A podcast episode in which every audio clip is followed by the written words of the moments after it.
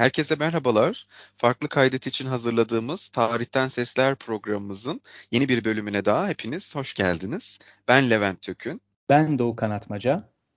Sizlerle kısa bir aradan sonra, yani görece kısa bir aradan sonra yeni yılda buluşmaktan hepimiz çok mutluyuz. Bugün yine konuklu bir e, programımız var. E, sevgili Doğa Öztürk bize e, İngiltere'den katılıyor. Doğukan da hepimizin bildiği gibi İngiltere'de. Ama ben yeni bir şehirden, Türkiye'den fakat yeni bir şehirden, Ankara'dan sizlere sesleniyorum.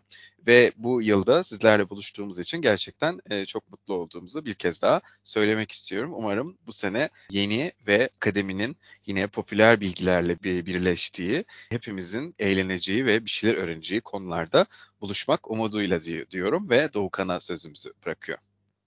Neredeyse 10 yıldır senin İzmir metiyelerini dinliyorum Levent. Artık şimdi de Ankara metiyelerini dinleyeceğiz. Hadi bakalım hayırlısı. İnşallah evet. Evet, bunları bir kenara bırakıp evet konumuza gelelim. Aslında çok ilginç ve güncel bir e, güncel etkileri de olan bir konu. 50 liraların üstünde resmi basılı olan Fatma Aliye'den bahsedeceğiz.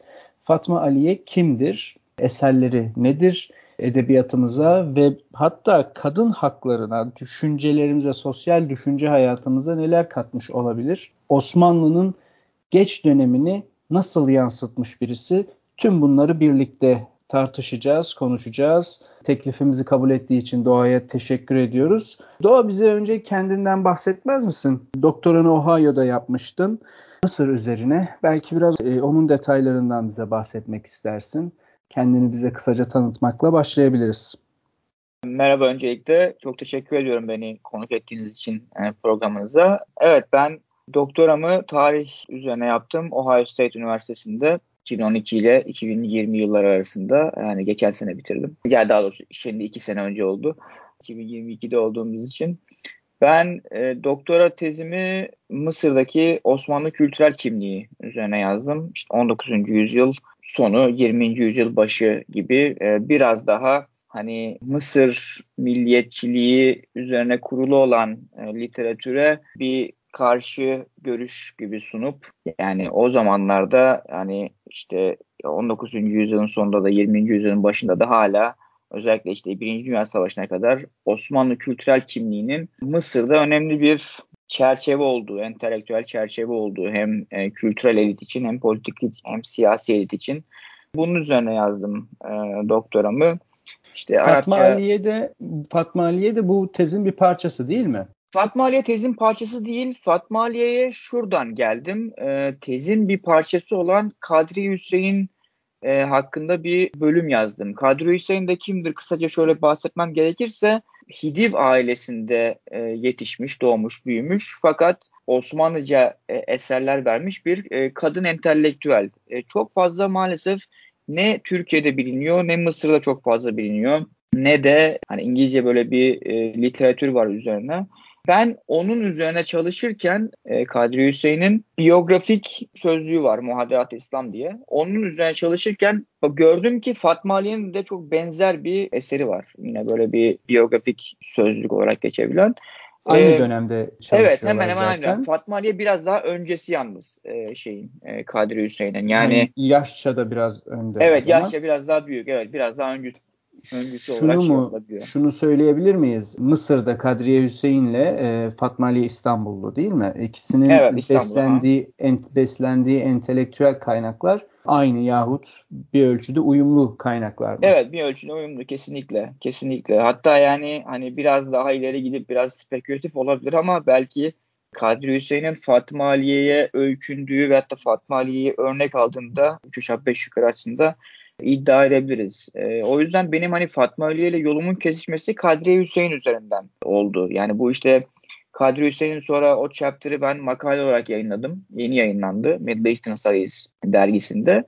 E, onu yayınladıktan sonra da bu Fatma Aliye'nin Namdaranı e, Zenanı İslamiyan e, isimli eserine geçtim ve onun üzerine de bir e, çalışma yaptım öyle söyleyeyim yani. Evet, Namdaran-ı Zenan İslamiyan'a geçmeden önce e, Fatma Aliye'nin yetiştiği ortamı anlamak adına ailesinden biraz bahsetmek yerinde olacaktır diye düşünüyorum. E, babası malumumuz Ahmet Cevdet Paşa, modern Osmanlı hukukunu, mecelleyi hazırlayan e, kişi. Yani İslam hukukunu 19. yüzyılın modern gerekliliklerine uyarlayan birisi. Peki acaba e, aile ortamı nasıldı? Bundan belki bahsedebiliriz. Levent ilginç e, profiller olduğundan bahsetmiştin. Belki bize evet. biraz bahsetmek istersin. Evet yani tabii bu konuda çok bir uzmanlığım yok ama araştırırken ve tabii senin de bahsettiğin gibi Ahmet Cevdet Paşa'yı da biz ayrı bir karakter olarak hem derslerde hem de kaynaklarda görüyoruz. Fakat ben aralarındaki bağı ya unutmuştum ya da bilmiyordum. Bu konuda şaşırdım açıkçası. Fakat Ahmet Cevdet Paşa zaten senin de dediğin gibi oldukça önemli bir devlet adamı, hukukçu vesaire ki tarz eğitimi de kendinde birleştiren ve işte bizim daha önceki podcastlerimizde de ya da konuşmalarımızda da bahsettiğimiz gibi bir 19. yüzyıl entelektüeli diyebiliriz. E, tabii bunun sınırları var mutlaka ama yine de o devrin e, iyi bir örneği. Sadece tabii mecellesi yok biliyoruz ki hukuk alanındaki çalışmalarının yanı sıra tarih üzerine de yazdığı önemli eserler var. İşte Osmanlı tarihi üzerine. Tarihi Cevdet adıyla biliniyor zaten. E, bunun yanında e, kardeşleri çok e, ilgimi çekti benim. Yani tabii onları hiç tanımıyordum. Fatma Ali Hanım'ın kardeşleri işte Emine Semiye Önasya diye soyadı kanundan sonra Önasya soyadını alıyor. O da yine e, öğretmen edebiyatçı ve kadın hareketi öncüsü diye geçiyor. Tabii e, dediğim gibi hiç e, bilmediğim bir kişiydi. Bir de e, kardeşi, iki kardeşi mantıkçı Ali Sedat Bey var. O konu hakkında zaten e, çok bir kaynak bulamadım açıkçası çalışırken. Ama en azından böyle bir iki anekdot şeklinde ortaya çıktı. Tabii Doğa daha fazla biliyordur. O yüzden şimdi isterseniz Doğa'ya soralım. Bakalım nasıl bir aile ortamları vardı veyahut bu kardeşlerin acaba etkisi nasıldı? Birbirleriyle olan iletişimleri, etkilenmeleri gerek akademik konuda gerek sosyal konuda nasıldı? Mutlaka bir önemli bir yerleri vardır diye düşünüyorum. Ne dersin Doğa? Evet yani şimdi dediğim gibi çok elit bir çevrede büyüyor Fatma Ali'ye. Çok elit bir çevrede yetişiyor. Bir konakta böyle büyük bir konakta yetişiyor. E, Ahmet Cevdet Paşa'nın konağında yetişiyor. İşte birçok ne bileyim yani özel hocalar var, işte evdeki hizmetçiler var. Yani böyle çok e, aklınıza gelebilecek o Osmanlı konak hayatı içinde büyüyor. Çok elit bir çevrede büyüyor. Fakat bu bir yandan kendisi için avantaj çünkü işte Ahmet Cevdet Paşa gibi bir babası olması, entelektüel bir figür olması ama bir yandan da e, konak çevresinde yani elit Müslüman e, Osmanlı kadınının yetiştiği konak çevresinde büyüdüğü için bir yandan da hayata çok kısıtlanıyor aslında. Yani dönemin hani cinsiyet normlarının sınırları içerisinde bir hayat yaşamak zorunda kalıyor. Mesela örnek olarak şunu vermek gerekiyor belki de ilk öğrenimine abisinin yanında başlıyor. Yani kendisine aslında bir ilk başlarda bir özel hoca tutulmuyor. Abisi konakta özel hocalardan ders alırken yanda dinliyor Fatma Aliye'de. Böyle başlıyor eğitimine. Yani eğitim hayatına diyelim hani tırnak içerisinde. Ve daha sonra hani işte Ahmet Cevdet Paşa onun böyle bir ilgisini bir yani daha böyle dersler olan şeyini gördük, yeteneğini gördükten sonra ona da bir hoca tutuyor örnek olarak. Ve hatta başka bir örnek vereyim. İşte mesela Fransızca öğrenmek istiyor. E, Fransızca çok yatkın aslında. Hani dile yatkın. Ama e, Fransa ders, dersleri resmi bir şekilde alabilmesi için babasından izin alması gerekiyor. Çünkü o zamanlar Fransızca böyle Müslüman kızların öğrenmesi çok böyle hoş karşılanmayan bir dil. Öyle bir durum var e, açıkçası. Bir yandan tabii bu arada işte Arapça ve Farsça öğreniyor kendisi ki, ki bayağı bu üç dilde de yani Fransızca, işte e, Arapça, Farsça'da bayağı yetkinlik kazanıyor. Böyle bir şey var.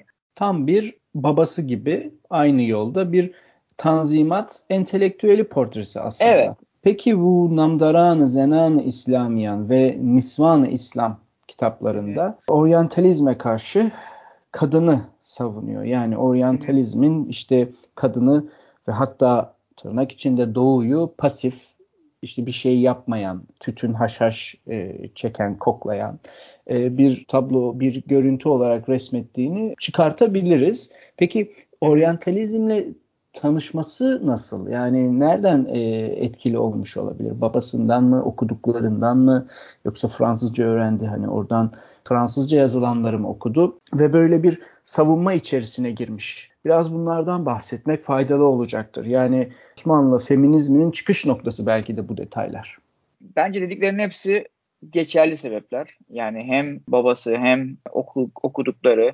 Bir yandan mesela şu da önemli. Yani kendisinin aslında edebi dünyaya adım atmasını sağlayan isim zaten Ahmet Mithat. Ahmet Mithat zaten çok önemli bir figür Osmanlı'ya geç entelektüel tarihinde, geç Osmanlı entelektüel tarihinde. Ve Ahmet Mithat mesela evet yani hani Batı ile olan ilişkiler Osman Batı'nın Osmanlı'ya bakışı, Batı'nın İslam'a bakışı ile ilgili e, eserler vermiş birisi.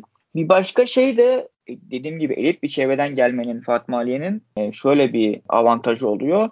İstanbul'a gelen Avrupalı kadınlarla yakın dostluklar kurabiliyor. Yani onu ziyarete geliyorlar. Çünkü dediğim gibi ailesi zaten çok ünlü, meşhur olduğu için kendisini konağında ziyarete geliyorlar. Mesela Nisvan İslam'da bunu anlatır Fatma Ali'ye özellikle başlarında. Der ki yani benim bu kitabı yazmama işte bu Nisvan İslam daha çok bu oryantalist mitlere karşı yazılmış bir e, kitaptır ve aslında Fatma Ali'nin bu konuda yazdığı en önemli en ünlü kitaptır yani en fazla bilinen kitabıdır. Damdıranı Zenan-ı İslamiyan'a nazaran. E, orada mesela Nisvan İslam'da şunu söylüyor yani diyor ki işte beni ziyarete gelen Avrupa kadınlarla yaptığım e, mülakatlarda diyor hatta işte görüşmelerde fark ettim ki bu hanımlar her ne kadar çok bilgili işte entelektüel olsalar da işte Osmanlılar ve hatta İslam hakkında çok az şey biliyorlar ve hatta çok yanlış biliyorlar bildiklerini de e, diyor. Ve bunun üzerine ben böyle bir işte eser vermek zorunda hissettim kendimi diyor. Yani çok orada çok spesifik bir şekilde açıklıyor aslında. Yani neden oryantalist mitlere veya oryantalist söyleme bir cevap vermek zorunda hissettiğini e, o kitapta belirtiyor. Hmm. E, hmm. Öyle bir şey var yani aslında şu an günümüzde de baktığımızda bizim yine böyle bir problemimiz yok mu? Yani sadece Türkiye'nin değil tabii yani bu coğrafyadaki birçok ülkenin böyle bir problemi var ama hani Batı'nın veya işte Batı dediğimizde Avustralya gibi işte gelişmiş ülkeleri yine içine katabiliriz her ne kadar bize göre Batı'da olmasalar da. Fakat yani bu anlayış yine de e, yok mu? Ne tabii yüzdesi de değişmiştir belki ama ya da e, bakış açıları. Yani yine biz baktığımızda Batı'nın bizi yanlış anladığını, eksik anladığını, belli bir gruba bakarak anladığını düşünmüyor muyuz aslında?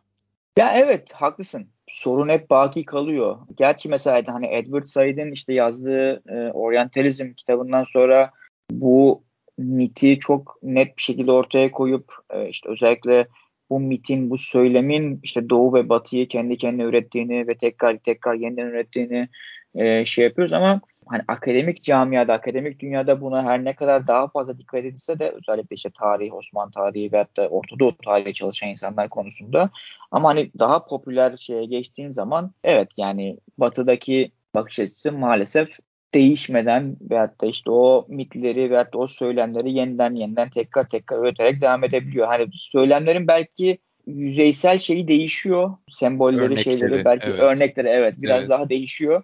Ama hani oryantalizmin çok temel e, prensibi olan doğu ve batı e, farklıdır birbirinden. Yani doğu batıdan farklıdır. Doğu batının ötekisidir. E, hı hı. söylemi maalesef özellikle popüler kültürde, popüler söylemde çok fazla değişmiyor diyebiliriz evet, evet. açıkçası yani.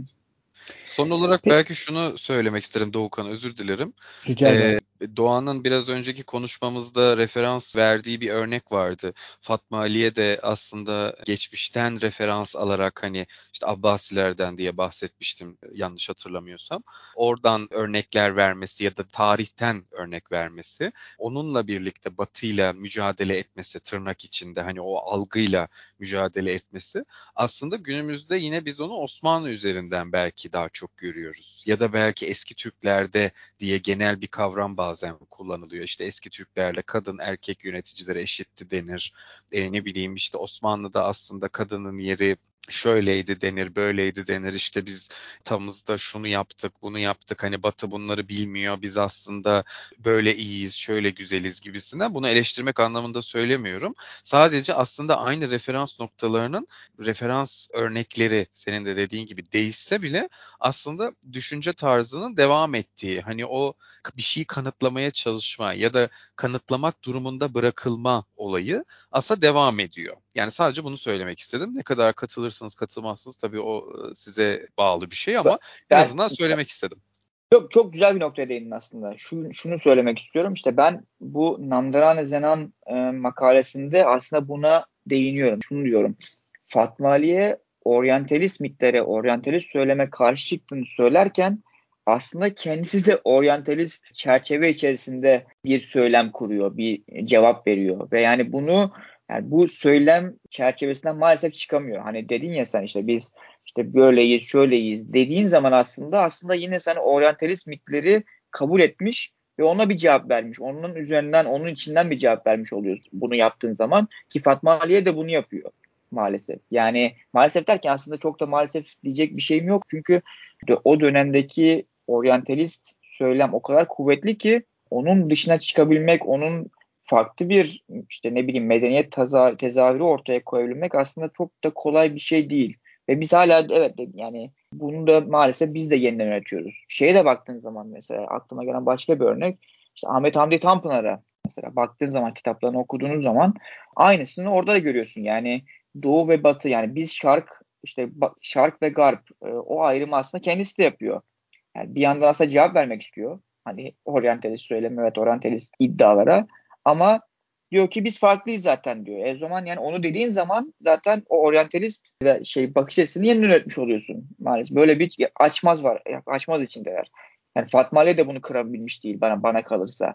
Yani benim yazdığım makaledeki iddia en önemli ve hatta en böyle hani kafa yorduğum iddialardan bir tanesi de oydu. Öyle söyleyeyim. Fakat Fatma Aliye'yi belki de tüm bunlar mücadeleci birisi yapmış. Yani edebi bir mücadele veriyor burada bir düşünce. Konakta başlayan feminizm İslami feminizm diyebilir miyiz acaba? Şu an uydurduğum bir e, aklıma gelen bir terim oldu. Fakat benim anladığım böyle bir yaklaşım, böyle belki bir İslami feminizm. Konakta misafirlerle başlayan bu düşünceler matbaa aracılığıyla zihinlere ulaşıyor. Acaba ne kadar yaygındı kitapları, ne kadar okundu bunu biliyor muyuz? Bu ilginç olurdu. Ve şunu fark ettim. Elbette e, yanlışlar olabilir vesaire. Fakat belki de işte babasının tarihçi olmasından kaynaklı bir durum yine belgeli ve gerçekçi olmaya çalışıyor. Yani ne kadar gerçekçi bilmiyorum bu referanslarıyla e, eski dönem İslam'ın ilk dönemlerine referanslarıyla.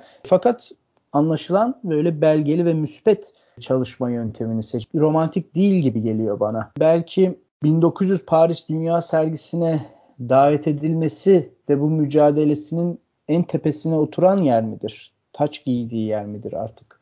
E, davet ediliyor değil mi? Kendisinin bir başvurusu sonucu Paris sergisine göndermiyor kitabını. Yok hayır. İşte Madame Palmer diye bir Amerikalı bir filantropist var. Yakın demek ki Fatma Ali ile onu anlıyorum. Çok fazla böyle derinine inmedim ama Namdara'nın e, kısa adıyla söyleyeyim. Namdara'nın girişinde çok açık bir şekilde şeyi söylüyor. Yani işte Madame Palmer'a bir mektup yazıyor. Mektup gibi bir şey e, var başında. Ve orada diyor ki yani bu kitabı sizden gelen e, arzu ve istek üzerine yazıyorum diyor ve anladığım kadarıyla da bu istek ve arzu da şu hani 1900'de yılında düzenlenecek olan Paris Dünya Sergisi'ne bir eser yazabilir misin? Yani Osmanlı kadınlarını veyahut da Müslüman kadınları anlatan bir eser yazabilir misin? gibi bir istek üzerine yazıyor Fatma Aliye bunu, Namdaran'ı. O bakımdan önemli. Şeye dönersek İslam tarihine ve işte belgelerle şey yapmasına, İslam tarihini çok iyi bildiği muhakkak. Yani çünkü babası üzerinden zaten bir bilgisi var ve hatta babası İlk başta çok fazla yönlendirmese de Fatma Ali edebi, edebi kariyerinde özellikle bu Ahmet Mithat'ın işte teşvikiyle falan biraz daha Fatma Ali'ye popüler hale geldiği zaman e, ve hatta böyle kendini kanıtlamaya başladığı zaman babasından dersler alıyor artık yavaş yavaş Cevdet Paşa'dan. Ama mesela şeyi ne kadar doğru veyahut da ne kadar hani gerçek hani belki o soru çok nasıl söyleyeyim yani yanlış bir soru olabilir. Şunu demeye çalışıyorum yani Fatma Ali'ye oryantalist mitlere, oryantalist iddialara cevap verirken aslında bir yandan kendi Müslüman veyahut da kendi İslami tarihini yazıyor gibi. Yani öyle bir durum var. Tabii ki tarihi biliyor, tabii ki şey yapıyor ama hani biraz benim görebildiğim cevap verme şeyiyle bu Avrupalılara ve hatta işte oryantalistlere cevap verme şeyiyle biraz daha savunmacı pozisyondan kendi tarihini yazıyor gibi. Mesela şöyle bir örnek vereyim. Orientalist söylemin en şeylerinden bir tanesi dört kadın hikayesidir. Hani işte poligami hikayesidir, çok eşitlik hikayesidir İslam'da. Şimdi mesela buna bir cevap verirken Peygamber Hazreti Muhammed mesela diyor Hatice ile evliyken bir daha hiç evlenmedi diyor. Fırsatı varken, dört eş almasına fırsatı varken bir daha evlenmedi diyor. Yani böyle bir e, monogami yani tek eşlik şeyi var. Mesela aynı şeyi Hazreti Ali için de söylüyor. Hazreti Ali de mesela diyor ki işte Fatma ile evliydi. Fakat bir daha mesela birçok teklif gelmesine hani işte Kureş kabilesinden insanlar e, Ali'ye işte hani kızlarını teklif etmesine rağmen Ali bunları geri çeviriyor. Yine böyle bir tek eşlik vurgusu yapıyor falan. Ama bunlar tabii spesifik örnekleri belki seçiyor diyebiliriz açıkçası burada yani e, Fatma Ali'ye. Ama tabii ki yani İslam tarihine hakim olmadığını anlatmıyor bu. Sadece şunu demeye çalışıyorum. Kafasındaki kendi söylemindeki bir tarih yazımı yani bir taraf olarak yazıyor tarihi evet, ama evet, iç evet. kendi tarihini yazıyor. Belki de evet. böyle bir iddiası iddiası var. Benim tarihimi siz Avrupalılar değil ben daha iyi yazarım. Evet, Belki şu, de böyle bir düşüncesi var. Aynı zamanda bir de Namdaran'da şu bence çok önemli. Yani kadınların tarihini yazıyor Namdaran'da. Kadın İslam'daki ünlü kadınların tarihini yazıyor. Ve burada bunu yaparak da bu İslam'daki İslami veya da Müslüman kadınlara aslında bir tarihsel rol biçiyor. Yani birisinin işte eşi birisinin ne bileyim işte kardeşi falan değil de kendi birey olarak bu kadınları sunuyor. Bu çok önemli. Bu aslında daha feminist olarak tarif edebileceğimiz bir perspektif. Yani evet. kadınları tarihsel sahneye çıkartıyor gibi İslami kadınları ve hatta Müslüman kadınları. Bu önemli.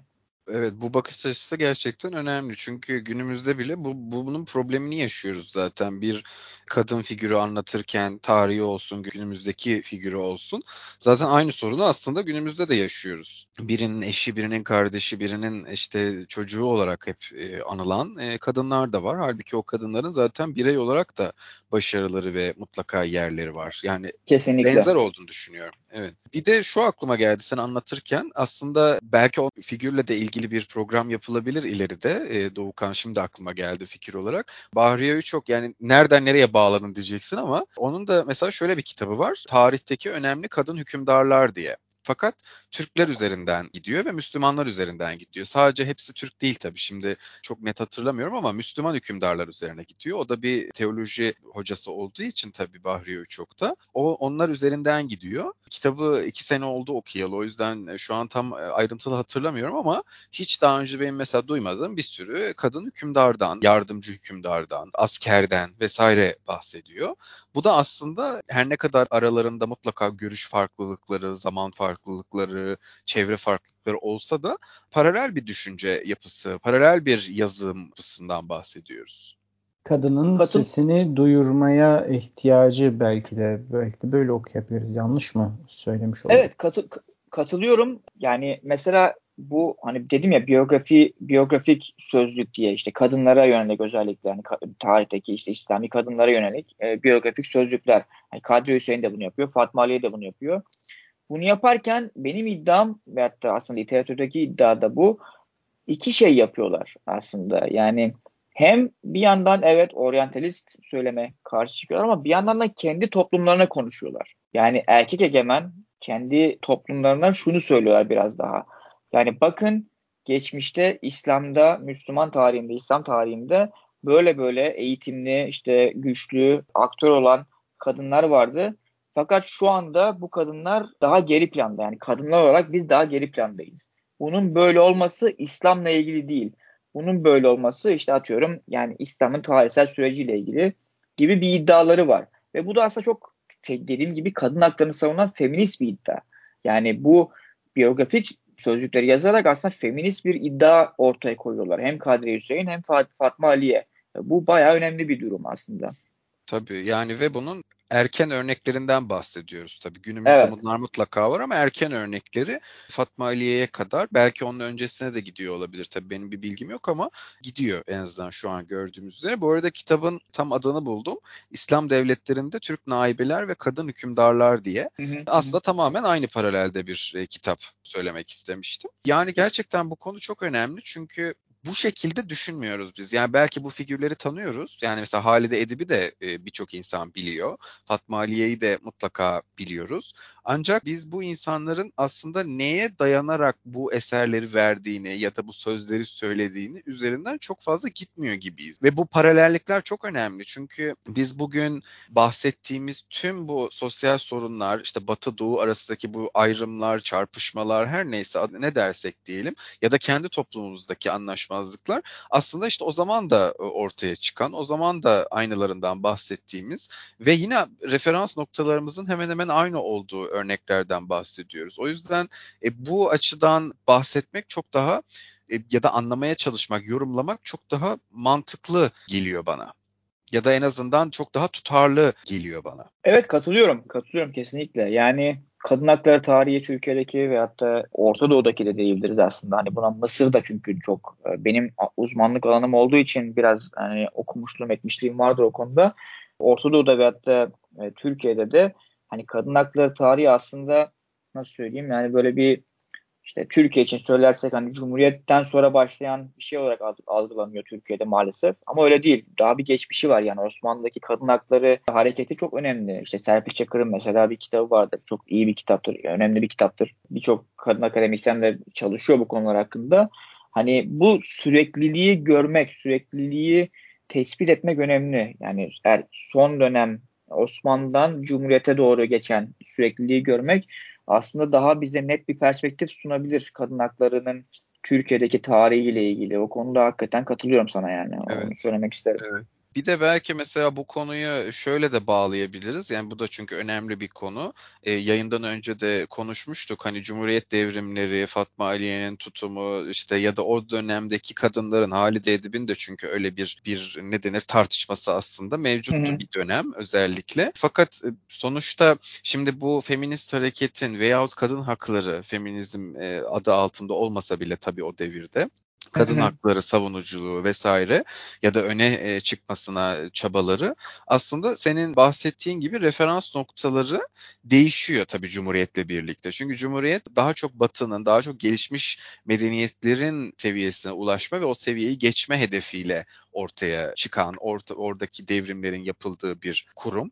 E, fakat tabii şimdi Fatma Aliye'nin ve devrimdeki kadınların yapmaya çalıştığı işte kız kardeşi Halide Edip vesaire gibi neyse bu hanımların, bu kadınların yapmaya çalıştığı da biraz aslında İslamik referanslarla ya da mesela o topluma ne denir e, geleneklerine yönelik e, referanslarla yapmaya çalışıyorlar benim anladığım kadarıyla. Tabii mutlaka bunlar böyle keskin çizgilerle ayrılan savunmalar, e, görüşler değil ama hani aradaki ayrıma bakacak olursak belki de anlaşmazlıklardaki, tartışmalardaki sebep de buradan çıkıyordur.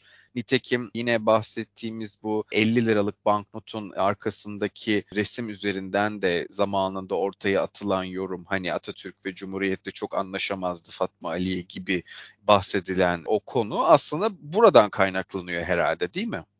Evet kesinlikle. Yani dediğin gibi Fatma Aliye kadın haklarına ve hatta feminist perspektifi daha İslami İslami reformist bir perspektiften savunuyor. Yani demin söyledim yani işte İslam'da böyle böyle kadınlar vardı hani geçmişinde.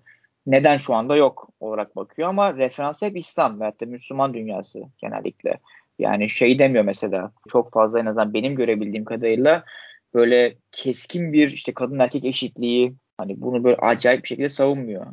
Benim dediğim gibi görebildiğim kadarıyla hani toplumda belli yerleri olduğunu söylüyor şeyde kadınların ve erkeklerin evet açıkçası. Ama bu demek değil ki hani kadınlar işte ikinci sınıf ne bileyim vatandaş veya ikinci sınıf insan olarak görüyor. Hayır öyle görmüyor yani. Kadınları da dediğim şey yani daha şey kuvvetli, güçlü figürler olarak sunuyor. Aktörler olarak sunuyor. Ama hani referans noktası İslam evet. E, o yüzden de senin de söylediğin gibi e, Levent Cumhuriyet'teki o keskin batılı ideolojiyle e, batıya öykünen, batıyı çok örnek alan ideolojiyle çok fazla uyuşabildiğini bu perspektifin söyleyemeyiz açıkçası. Yani öyle bir şey var. Gerçeklik var burada.